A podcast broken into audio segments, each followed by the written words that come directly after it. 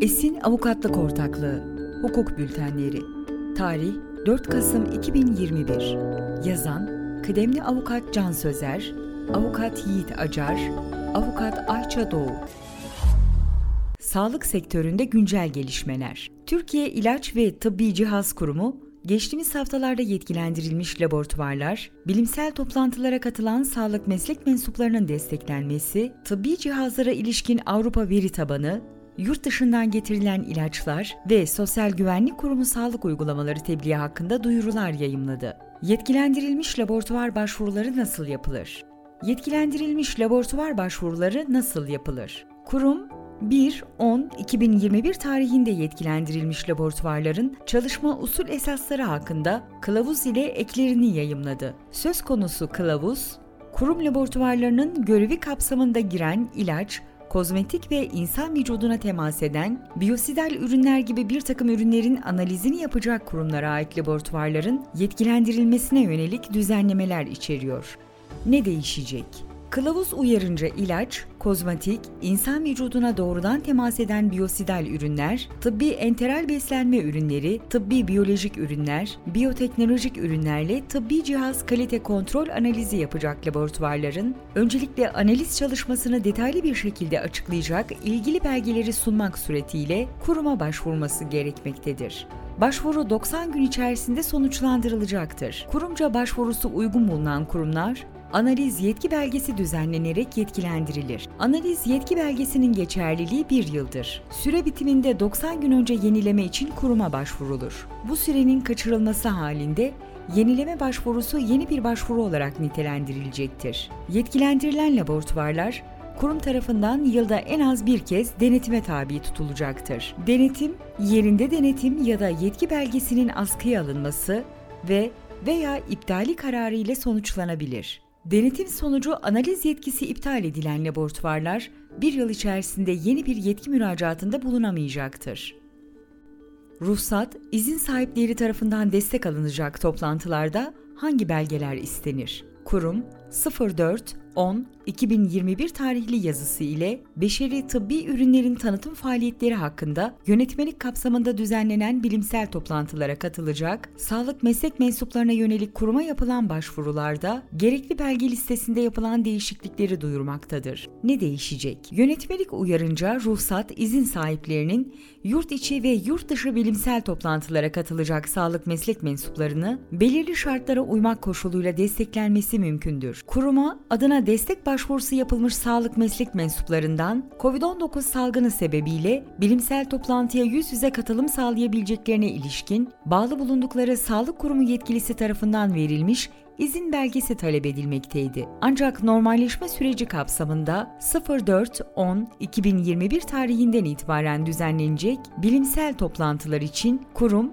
ruhsat, izin sahiplerinden sağlık meslek mensuplarına destek başvurularında söz konusu yazıyı talep etmeyecektir. Kurum tarafından bu hususta verilecek onay, yalnızca ilgili ruhsat izin sahibinin söz konusu sağlık meslek mensubuna destek olmasına dair bir onay olup, sağlık meslek mensuplarının toplantıya katılım uygunluğu onayı anlamına gelmemektedir. Tıbbi cihaz yönetmenliği kapsamında veri tabanı aktör kaydı nasıl yapılır? Kurum 18-10-2021 tarihli duyurusu ile 0206 2021 tarihli 31499 sayılı resmi gazetede yayımlanan tıbbi cihaz yönetmeliği kapsamında Avrupa Komisyonu tarafından yayımlanan veri tabanı kullanma rehberinin Türkçe versiyonunu yayımlamıştır. Rehber, yönetmelik kapsamındaki iktisadi işletmecilerin veri tabanı aktör kayıt modülüne kayıtlarını gerçekleştirmelerine yönelik yönlendirmeler içermektedir.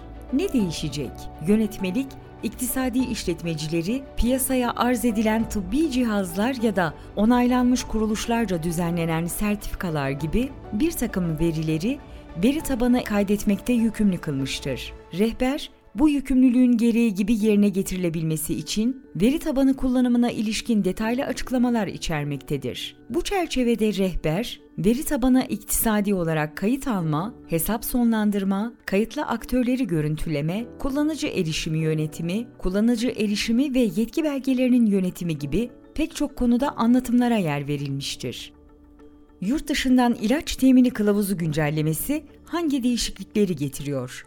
Kurum 23-10-2021 tarihli duyurusu ile yurt dışından ilaç tedariki ve kullanım kılavuzunu güncellediğine ve ek 5'te bir takım değişiklikler gerçekleştirdiğine ilişkin duyuru yayımladı. Güncelleme kapsamında yurt dışından tedarik edilen beşeri tıbbi ürünlerin uyması gereken ilave standartlar belirlenmiştir. Ne değişecek? Güncelleme kapsamında beşeri tıbbi ürün temininde uyumluluk aranan uluslararası kurum ve düzenlemeler hususunda değişiklik yapılmıştır. Buna göre artık Amerikan Gıda ve İlaç Kurumu, Avrupa İlaç Kurumu, İlaç Denetim Sözleşmesi ve İlaç Denetim İşbirliği Programı yerine uluslararası beşeri tıbbi ürün kullanımında teknik gerekliliklerin harmonizasyonu konseyi ile daimi ve kurucu üyeleri Birleşik Krallık Yetkili Otoritesi ve Avustralya Yetkili Otoritesi faaliyetleri esas alınacaktır.